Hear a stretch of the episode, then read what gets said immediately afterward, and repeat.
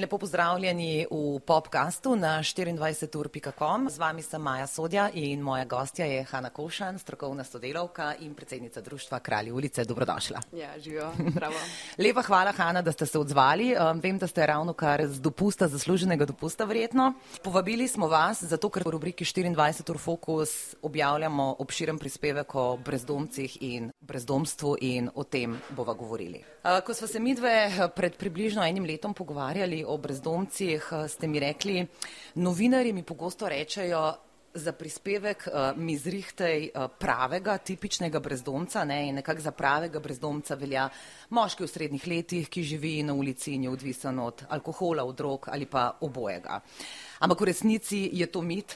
V resnici to že dolgo ne drži več. Kako se je Hanna spremenila struktura brezdomcev in pojasnite nam prosim, kaj je vidno in kaj je nevidno brezdomstvo. Ja, veliko krat je to, kot ste povedali, ja, ne, želimo nek tak uh, zelo stereotipen primer ne, in tudi recimo včasih v kakih kampanjah, kakih plakatih vedno vidimo ne, take slike. In seveda so ljudje, ki so recimo res na cesti, so moški v srednjih letih, ne, ki uživajo alkohol, seveda je, ampak to, uh, to niso samo brez, uh, brezdomne osebe. Uh, naše društvo v bistvu v zadnjih letih prihaja veliko ljudi, ki mogoče na ta prvi pogled spoh ne bi rekli, da so nekako socialno ranljivi, brezdomni, uh, nimajo neke varne strehe nad glavo. Um, tako veliko krat tudi rečejo um, naši člani, ki ponujajo časopis, da je kdo na ulici postavi, pa reče, ti si pa prelepo oblečen uh, za osebo, ki bi ponujala časopisane. Uh, torej med brezdomnimi osebami oziroma osebe, ki prihajajo v naše društvo, so v bistvu um, če rečemo starostno, od zelo mladih ljudi, uh, celo mladoletnih, recimo tam nekje med 16, 17, 18 let, se že pri nas uh, nekako pojavijo lahko osebe, uh, potem tudi tam okoli 20, recimo 25, to so res zelo mladi ljudje, ki se zelo skrivajo, so zelo skriti, ne, ki jih mogoče uh -huh. na mhm. ulici niti ne srečamo, ne spijo na ulici, tako zelo vidno. Uh, potem pa do v bistvu starostnikov.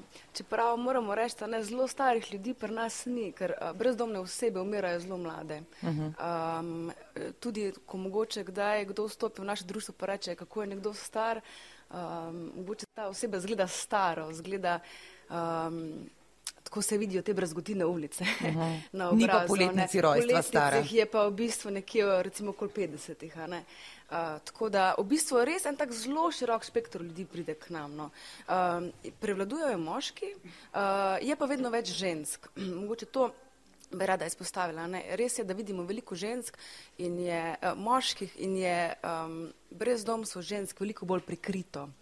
Um, ne želijo se izpostavljati, um, strah jih je pred to stigmo in neodobravanjem. No. Tako da um, Tako da mogoče bi lahko ženske steli, bo to bo bolj brez, uh, prikrito, ne?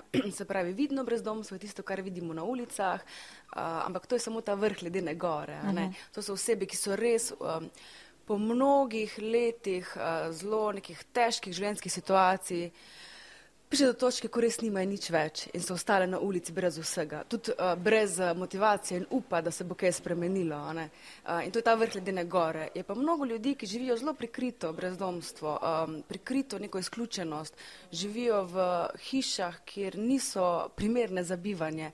Um, bi, um, bivajo tako, da recimo živijo od prijatelja do prijatelja, od sorodnikov. Da mogoče, tam spijo pri tako, prijateljih, sorodnikih. Torej, menje, nimajo neke varne, neke uh mhm. -huh. trajne nastanitve. Um, pod prikrito brezdomstvo oziroma um, v to definicijo bi jaz tudi zelo izpostavila osebe, ki so v nekih institucijah, recimo zapori, psihiatrične bolnišnice, varne hiše za ženske, uh mhm. -huh. Ko morajo ljudje zapustiti te programe, ki spet niso trajne. Ne? Tako nimajo kam zaiti. Torej, v bistvu res v to definicijo lahko štejemo en zelo širok spektr ljudi. Zakaj je to pomembno? Je zato, um, to razumevanje, zato da se v bistvu mi znamo prave programe za ljudi snovati, neke okay. prave programe podpore. Uh, Hanna, ko govorimo o številkah, je v resnici težko, nemogoče natančno uh, povedati, koliko ljudi nima strehe nad glavo. Je pa recimo šokanten ne podatek, da je brezdomnih, ne vem, od 3 pa kar do 7 tisoč mm. ljudi. Um, kakšna je vaša ocena? Nedolgo nazaj ste rekli, da se število brezdomnih povečuje svetlobno hitrostjo.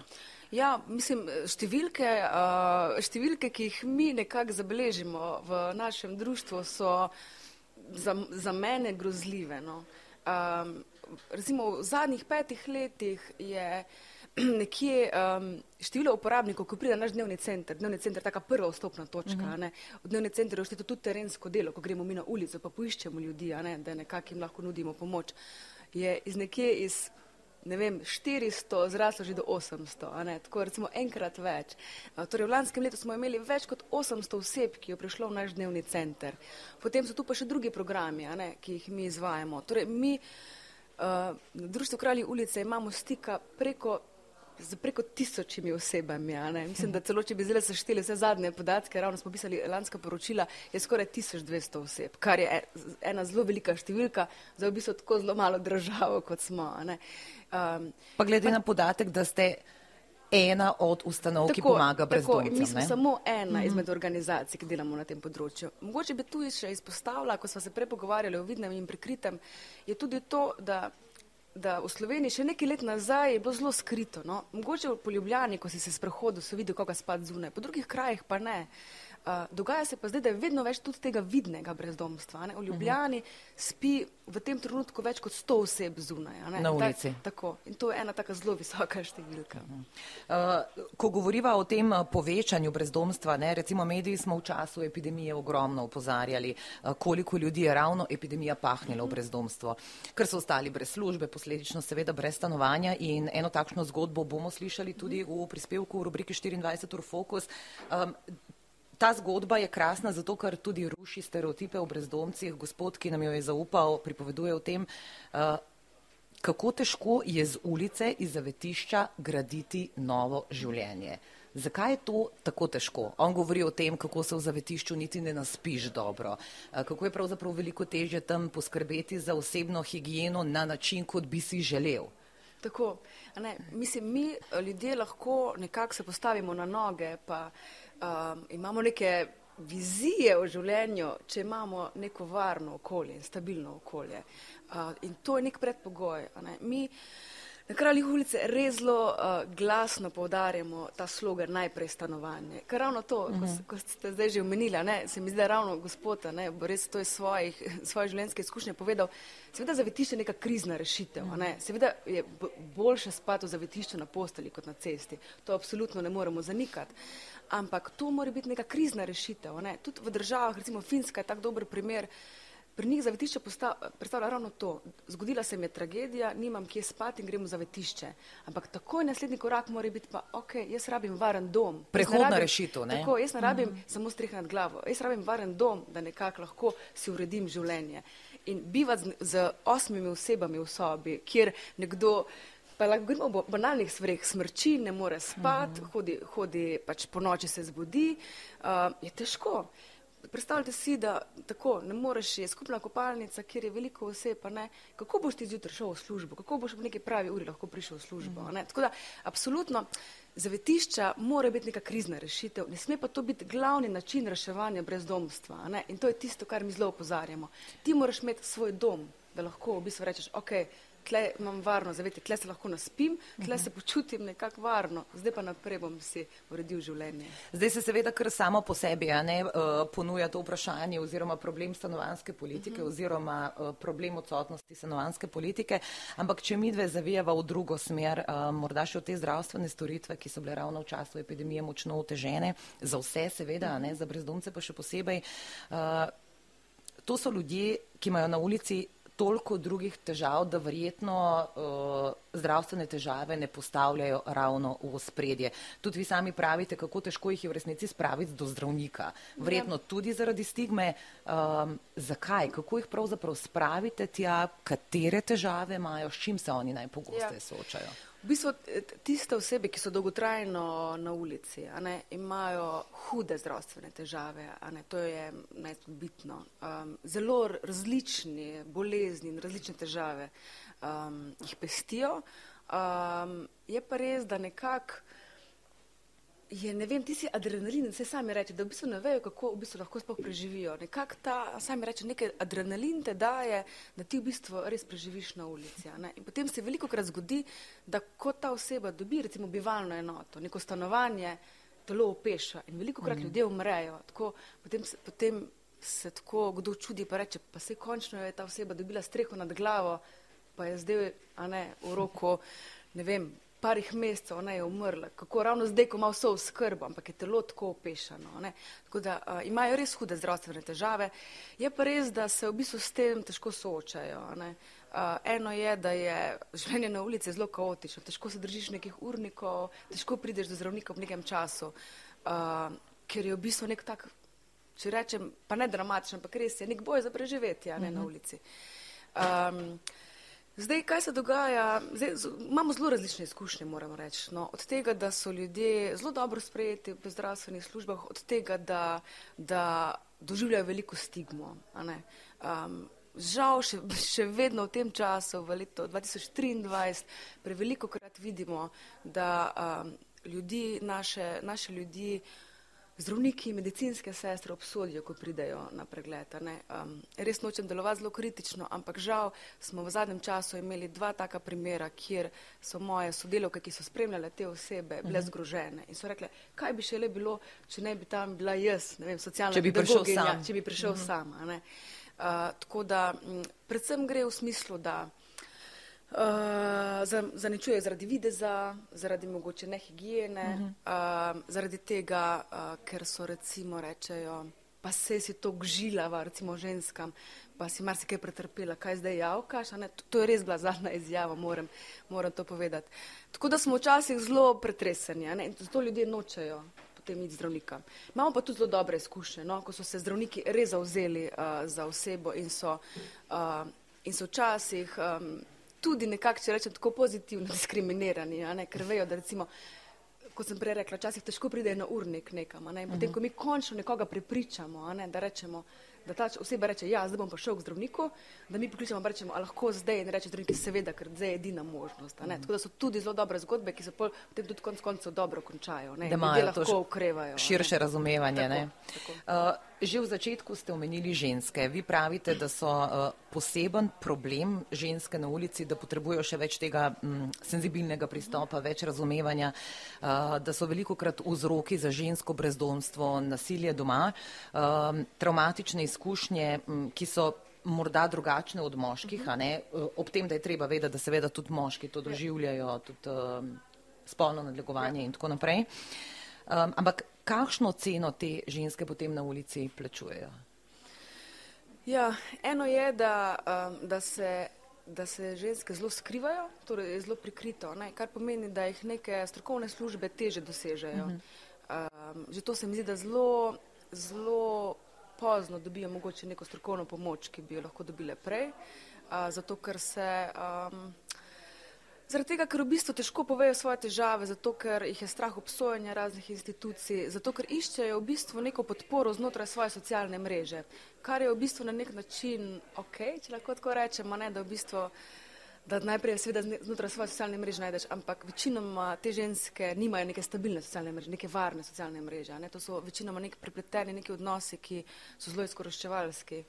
Um, tako da ceno, ki jo plačujejo, je to, da v bistvu zaradi tega, ker je težko kot ženska preživeti na ulici, spati na ulici, veliko krat pripoveduje izkušnja, ko so bile nadlegovane, uh, doživljalo so nasilje, če so spale na ulici. Uh, Veliko krat potem si najdejo partnerja, ki uh, jih lahko nekako zaščiti, čeprav je veliko krat lahko ta odnos tudi zelo nasilen. Uh -huh. uh, tako, da, tako da to se meni zdi v bistvu najbolj zaskrbljujoče, da v bistvu ženske morajo priti do neke take zelo skrajne točke v življenju, da nekako razkrijajo svojo zgodbo in da sprejmejo pomočno.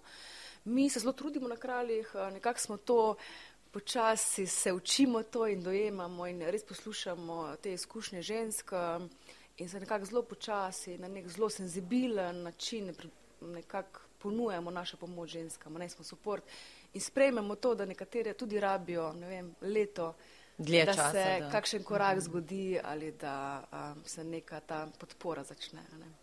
Um, Kako bo zdaj uh, k reševanju vseh teh težav, ki ste jih našteli, pri pomogu Novi dom uh, na Poljanski? Uh -huh. To bo največji socialni projekt mesta, m, bo bistveno več uh, sopa ne, v tem zavetišču, kot jih je zdaj, vemo, da jih močno primankuje. Uh, kaj v tem projektu dobrega in pa imate tudi vi morda ta pomislek, um, nekateri vaši sodelovci ga imajo, da bo preveč brezdomcev skoncentriranih na enem mestu. Ne prihajajo vsi z enakimi ozadji, z enakimi težavami. Eh, vaši sodelovci recimo so mi povedali, da alkoholiki in narkomani ne grejo skupaj, ja. da tam prihaja pogosto do konfliktov. Skratka, kje so te dobre točke in morda ti pomisleki oziroma skrbi, ki jih imate?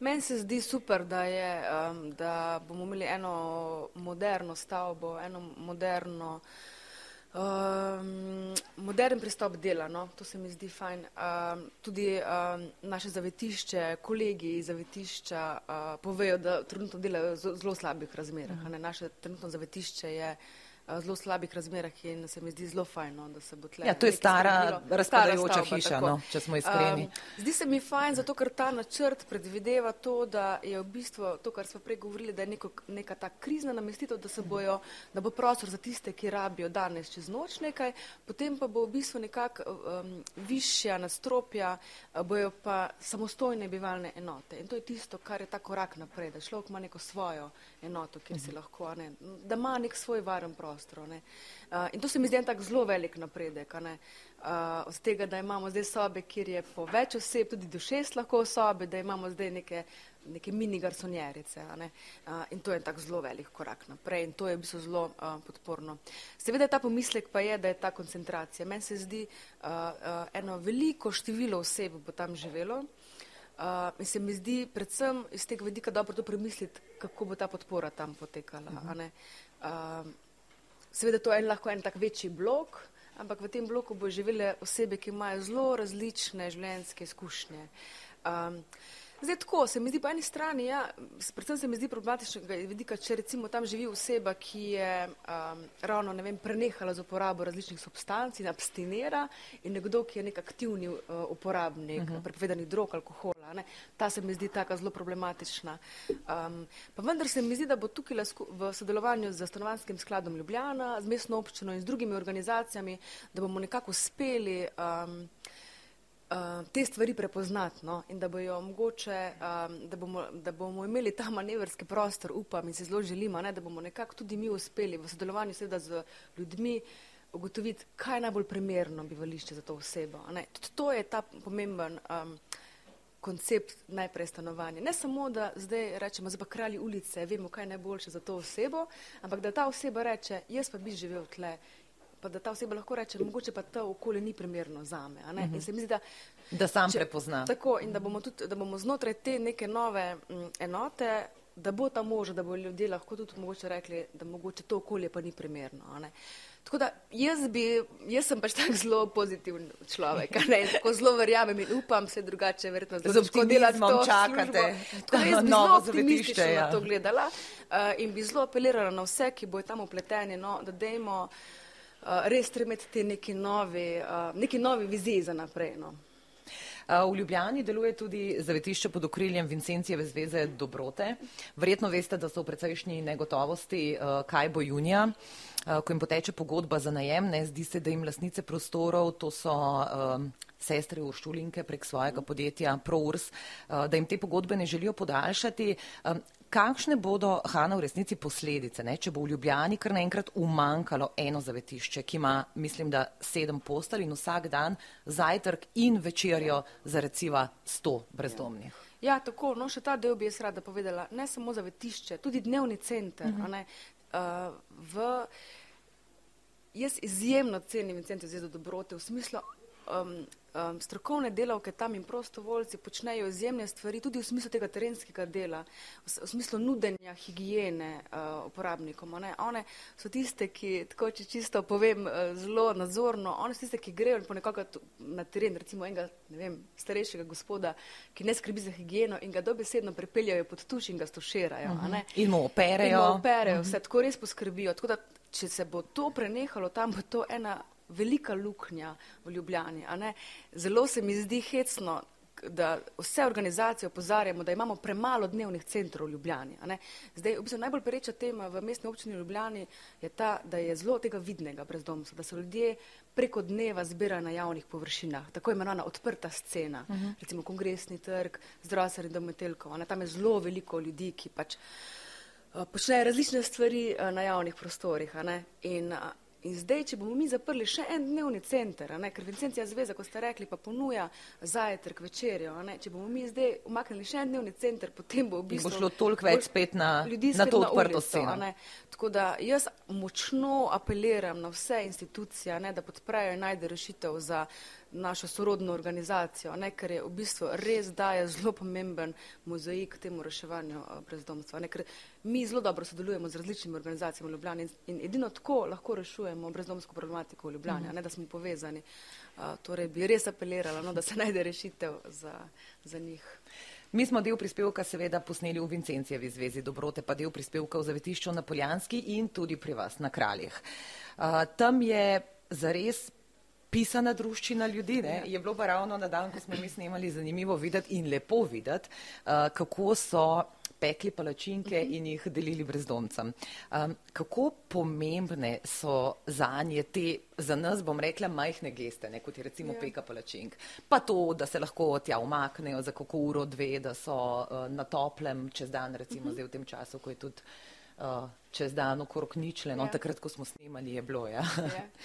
Uh, jaz zelo pisana druščina, moram pa še to povedati. No, uh, ravno je sodelovec dva dni nazaj poslal um, pregled prejšnjega tedna in smo imeli poprečje od celega tedna 135 oseb. Zdaj, če se spomnite, kako so bili pri nas, naši prostori niso blazno veliki. Ne, ne? Uh, tako da je res število ljudi se povečuje. Tako od 150 do 130 približno oseb imamo na dan. Tako da včasih res krgneča no? in se tudi ljudje zunaj zbirajo. Tako da upam, da bomo tudi mogoče mi neko rešitev našli, da bomo rabili večji dnevni center. Um, ja, um, mogoče bi se navezala na to, kar ste tudi prej rekli, povezavi z epidemijo. Ko smo mi mhm. mogli v času epidemije zapreti dnevni center, uh, in prekiniti z aktivnostmi, kot so PKP račink, kot so glasbene delavnice, kot so uh, sestanki naših uh mhm. -huh. članov, recimo uredniški odbora. Ne? Ko je v bistvu vse to nekako se ustavilo, so ljudje um, to zelo pogrešali, so se počutili zelo usamljeni. Eni so bili v hudi stiski, uh mhm. -huh. ker je v bistvu dnev, preživljanje časa v našem dnevnem centru in pomeni nek varen odmik z ceste, nek uh, smiselno preživljanje prostega časa, neko podporno mrežo, ki jo dobijo od dneva, neko varno zavetje, da imaš nekoga, s komer se lahko pogovarjaš od dneva. Ne? Tako da je v bistvu dnevni center, kot jaz prepoznavam, zdaj pa osebe naše govorijo, jim je zelo pomemben in ključen. In so v bistvu, ko ste rekli, ne, tako zelo banalna stvar je kot pika palačinka. Ja. To je nek občutek normalizacije, se mm. mi zdi. Da se v bistvu lahko tam in se pri nas je zelo aktivno, zelo je živo, dogaja se, glasbene želje imamo. Ja, vse čas nekdo lahko, prihaja, nekdo odhaja. Tako imaš občutek, da si del nečesa, mm. da si del nečesa, da nekam spadaš, da si pomemben nekomu in neka normalizacija se zgodi. Ne? Tudi mi znotraj delnega centra potem tudi gremo nekako v skupnost, v smislu, ne vem, hodimo v kino, hodimo na izlete, hodimo na pohode, gremo v mesto na razstave. In se mi zdi tudi to, da je nek občutek, jaz sem del te skupnosti, neke normalizacije. No? Tako, da, uh, tako da se mi zdi to, um, tako no, pa tudi veliko krat rečejo, um, vsaj nekdo se je spomnil na nas, uh mhm. -huh. recimo tako, ne? Ko se, ja. kot recimo pika palačinka, počasi kak občan, občanka pride, pa prenese kakšne donacije, pa tudi kaj spečeno. Tako, um, je to zelo pomembno. No. Lepo, to so re, lepe geste. Ja. Uh, zdaj za tiste, seveda, ki uh, pokažejo željo, voljo, uh, da bi šli z ulice, da bi obrnili življenje na bolje, če lahko rečem. Uh, imate vi poseben program, imate nekaj namestitvenih enot. Um, mi smo v eni od teh vaših enot uh, posneli en krasen pogovor s Klaudijo Zupan. Ona je, tako kot smo se že prej pogovarjali, en tak, uh, jaz si rečem, kar znani obraz ljubljanskih ulic, zato ker vsi, ki smo ali živimo v Ljubljani ali pa si tisti, ki se veliko gibljajo po mestu, se mi zdi, da so si jo kar zapomnili, je predvsem markantna. Um, ampak seveda ta Klaudina zgodba je ena tistih zgodb, ki te zadane, ne? ki ti seže res v srce. In uh, ko je naša urednica brala moj tek za prispevek, ne je rekla, najbolj me je zadelo to, ko je Klaudija, ko Klaudija razlaga, pripoveduje o tem, kako se je težko, ko greš enkrat z ulice, navaditi na osebno higieno, na pospravljanje, na čistočo, skratka, na neke stvari, ki so nam samoumevne. Ja. Mogoče tudi to, veliko krat reče kdo, um, jaz nikoli nisem živel nekega običajnega življenja, tudi v naši družini. Mhm. Um, um, me niso teh stvari recimo naučili. Jaz nikoli ne bom pozvala, ko mi je rekel en fant, tako gleda pa reče, ko imaš ti bele zobe. Preče, jo, ko bi meni mama enkrat v življenju rekla, da si umijem zobe. Recimo, ne?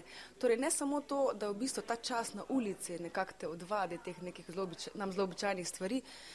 Mogoče še ta del bi izpostavila. Nekdo v bistvu nikoli tega, nikoli ni živel nekega družinskega življenja, nikoli ni imel tega občutka, da nekdo za njim poskrbi. Veliko ljudi prihaja zelo disfunkcionalnih družin. A je to ta skupni imenovalec? Se upravičujem, ker zdaj prekinjam. Ja. Ampak, uh... Lahko bi, lahko, seveda bi ga lahko. Zelo, zelo malo primerov je, da bi rekli, da ima nekdo neko stabilno družinsko okolje uh -huh. in mhm. varno zaveti doma in da se potem znajde na ulici. So tudi kakšni tak primeri, ampak je to bolj izjemno. Jaz bi se to upala trditi skozi moje izkušnja, ne, ki sem jih prodajala. Ja, vi poznate ogromno teh zgodb. In kaj, kaj je tisto, kar je ponavadi v zadju?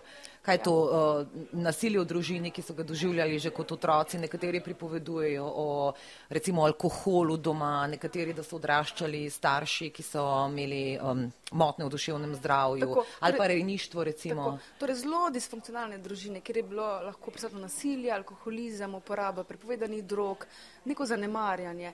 Pa ne samo mogoče to, kar je tako zelo na nek način zelo vidno zanemarjanje, uh -huh tudi to, da niso imeli neke varne opore, da, v bistvu osta, da, da nikoli niso imeli neke varne socialne mreže, da starši niso predstavljali tiste neke varne navezanosti. No? Uh -huh. um, in potem so veliko krat otroci bili odstranjeni v zavode ali v riniške družine. Zdaj, Jaz mislim, da tle je treba izreči neko kritiko, da naš sistem še vedno nekako ima neke luknje, ne, da so to neke sive cone, ker če smo te otroke odstranili iz družine in jih dali v nek sistem, ki bi jih mogel obvarovati, zakaj so te osebe potem pristale na cesti? Se pravi, nekdo jih ne spremlja. Tako, torej niso dobili zadovolj neke podpore. Mhm. Dejstvo je, da so verjetno veliko krat so te življenjske zgodbe naših uporabnikov uporabni zelo kompleksne.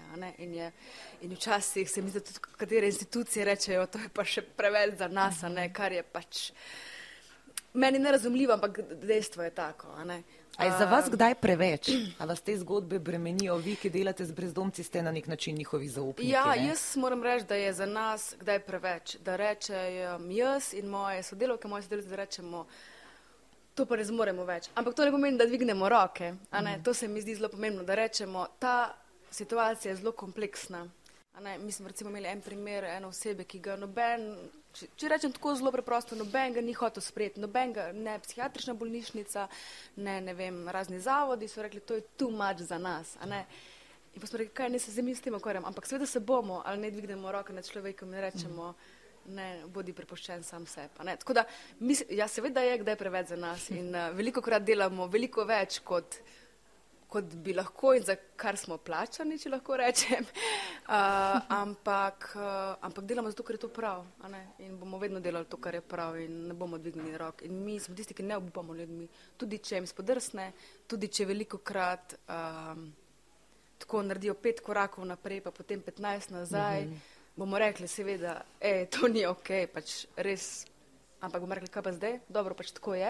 Ampak a je kaj to frustracija, vas to kdaj pojezi? Ja, je frustracija, še posebej je to frustracija, ko začneš to službo Aha. in potem se skozi leta naučiš, da, da so v bistvu majhni koraki tisto, kar je pomembno. Mm. Male zmage. Male zmage, da so zelo pomembne in uh, male zmage vodijo tudi k uspehu, pa tudi male zmage so ok. Tudi če nekdo po vseh teh letih. Uh, ne vem, začne skrbeti redno za osebno higieno ali pa da po desetih letih končno spreme bivalno enoto, pa bo še vedno recimo na denarni socialni pomoči celo življenje, je za moje pojme to velika zmaga. Uh mhm. -huh. Ker bo mogoče lahko potem, ko bo imel bivalno enoto, mogoče če ne bo najdo zaposlitve, ker po 15 letih življenja na cesti zelo težko zdržati v 8-urni službi. Ampak bo pa mogoče na nek drug način prispeval ne, skupnosti. Mi imamo zelo veliko ljudi, ki so naši prostovoljci. Ne. Torej, mi zelo aktivno angažiramo osebe v društvo ne, in so pač prostovoljci pri nas, v drugih organizacijah, opravljajo neka različna dela, ki pač na nek način izpolnjujejo njih, pa dajo tudi neko dobrobit skupnosti. Ne. Um, čez prst. Koliko je recimo takšnih, uh, kot je Klaudija v našem prispevku, ne, ki se je z vašo pomočjo postavila na noge in zdaj ravno s podporo uh -huh. kraljev ulice uh, ustvarja novo življenje zase in za uh, svojega štiriletnega sina Lijama? Yeah. Ja. Um, mogoče bi sam tako še rekla. Um, Vse vem, da recimo včasih rečejo ljudje, se ste hkrati zelo pomembni, ampak jaz bi vse tle en korak malo nazaj naredila, pa bi rekla, veliko je tudi na ljudeh. No. Uh -huh. uh, ne bi rada se tako, da izpade, kot da smo mi veliki rešitelji. Smo seveda en pomembna podpora ljudem, ampak uh, tako bi rada no vrnila to Klaudij nazaj, da je v bistvu se to zgodilo zaradi nje.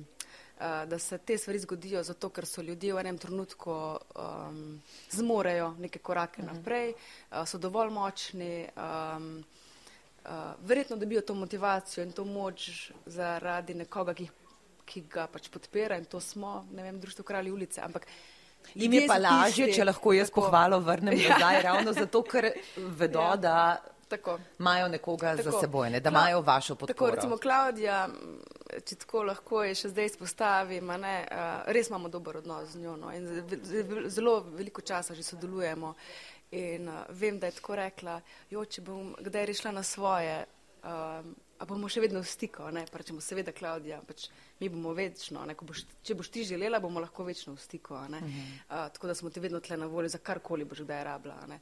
A lahko povem, kaj je ona o kraljih rekla? Lahko je.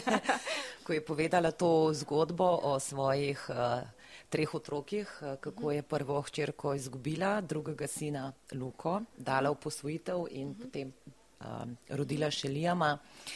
Mislim, da reče v prispevku prav z besedami, če ne bi bilo kraljev, to tega otroka ne bi obdržala. Ja.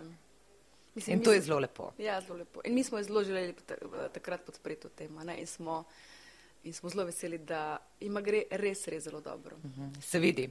Ja. Uh, če lahko za konec, Hanna, uh, ravno zato, ker, uh, tako kot smo rekli, nimamo vsi istih izhodišč.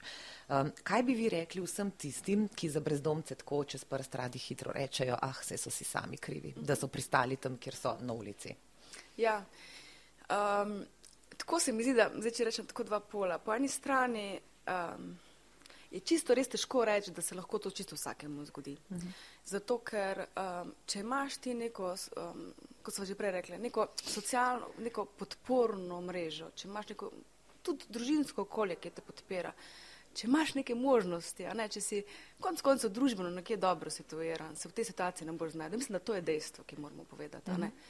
Po drugi strani se pa lahko zaradi družbene negotovosti in družbenega časa, recimo zdaj smo v eni taki krizi, ne, zgodi, da pa tudi tiste osebe, ki mogoče na prvi pogled se ne bi znašle v recimo brezdomstvu, se jim to lahko zgodi. So ranljive, ne? So ranljive, mm ne. Tako da se mi zdi, da tako bi se bi rada oba pola nekako mm podarila, ne. In kot um, ste že vi rekli, ne, imate eno tako zgodbo v prispevku, ne, k nam prihajajo osebe, ki se jim je v bistvu skoraj da čez nos spremenilo življenje, mm ne, ki so mogoče izgubile službo, niso imeli neke varne nastanitve, mogoče so živeli v najemu, uh, zdaj je zelo fajn prodajati stanovanja in se je lastnik odločil, da bo prodal stanovanje. Uh, torej oseba je izgubila službo, nima dohodka, v Ljubljani dobiti stanovanje, zdaj je skoraj misija nemogoče, če nimaš en zelo dober prihodek, ne? Točno to. In se v bistvu znajdeš lahko hitro na cesti. Torej se te res čez noč lahko spremeni. Zdaj, sami krivi, uh, to je en tak očitek, ki se še vedno sliši, hvala Bogu, vedno manj, ampak še vedno so ga, so ga osebe deležne.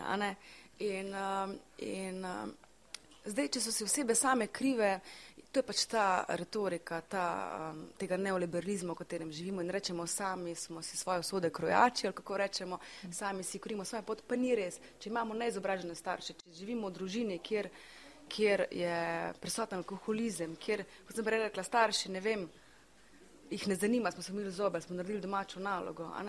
Potem bom težko, ne vem, dosegla neko izobrazbo, potem bom težko uh, dobila konc koncev dobro službo, ne, recimo, če gremo tudi na nek način zelo stereotipne korake, ampak ja, težko bom rekla, da, da sem si v bistvu sama kriva. Uh, družba. Se mi zdi, da na nek način tisti, ki to rečejo, upravičujejo uh, tudi to svojo neangažiranost. Tako, ne? tako ja. In reči, da si, da, da si bo vsak svojo pot skopal, pa ni res. Mi vsi rabimo neke družbene mehanizme, ki nas bodo pri tem podprli.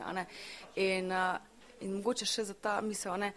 absolutno na kraljih ulice uh, govorimo, da je brezdomstvo posledica um, neke družbene strukture, nekih družbenih neenakosti, ki so seveda prepletene z nekimi osebnimi okoliščinami, kot, kot smo rekli. Uh, Uh, ampak vendar, če bi neka socialna država delovala tako, kot bi mogla, potem bi verjetno veliko manj ljudi se znašlo v tej situaciji, uh, kot je sedaj. No. Zdaj pa številke žal naraščajo. Hvala lepa, Hanna Košan, za ta pogovor. Vedno je prijetno ja. klepetati z vami. V brezdomcih, kot rečeno, nocoj v rubriki 24 ur fokus slišali boste zgodbe, ki zadanejo zgodbe, ki se dotaknejo, videli boste, kako izgledajo zavetišča, kaj se tam dogaja, kakšno pomoč, pomoč nudijo brezdomcem, vsi ti krasni prostovoljci, strokovni sodelovci, ki delajo z njimi in seveda tudi, kje so rešitve. Lepa hvala za pozornost.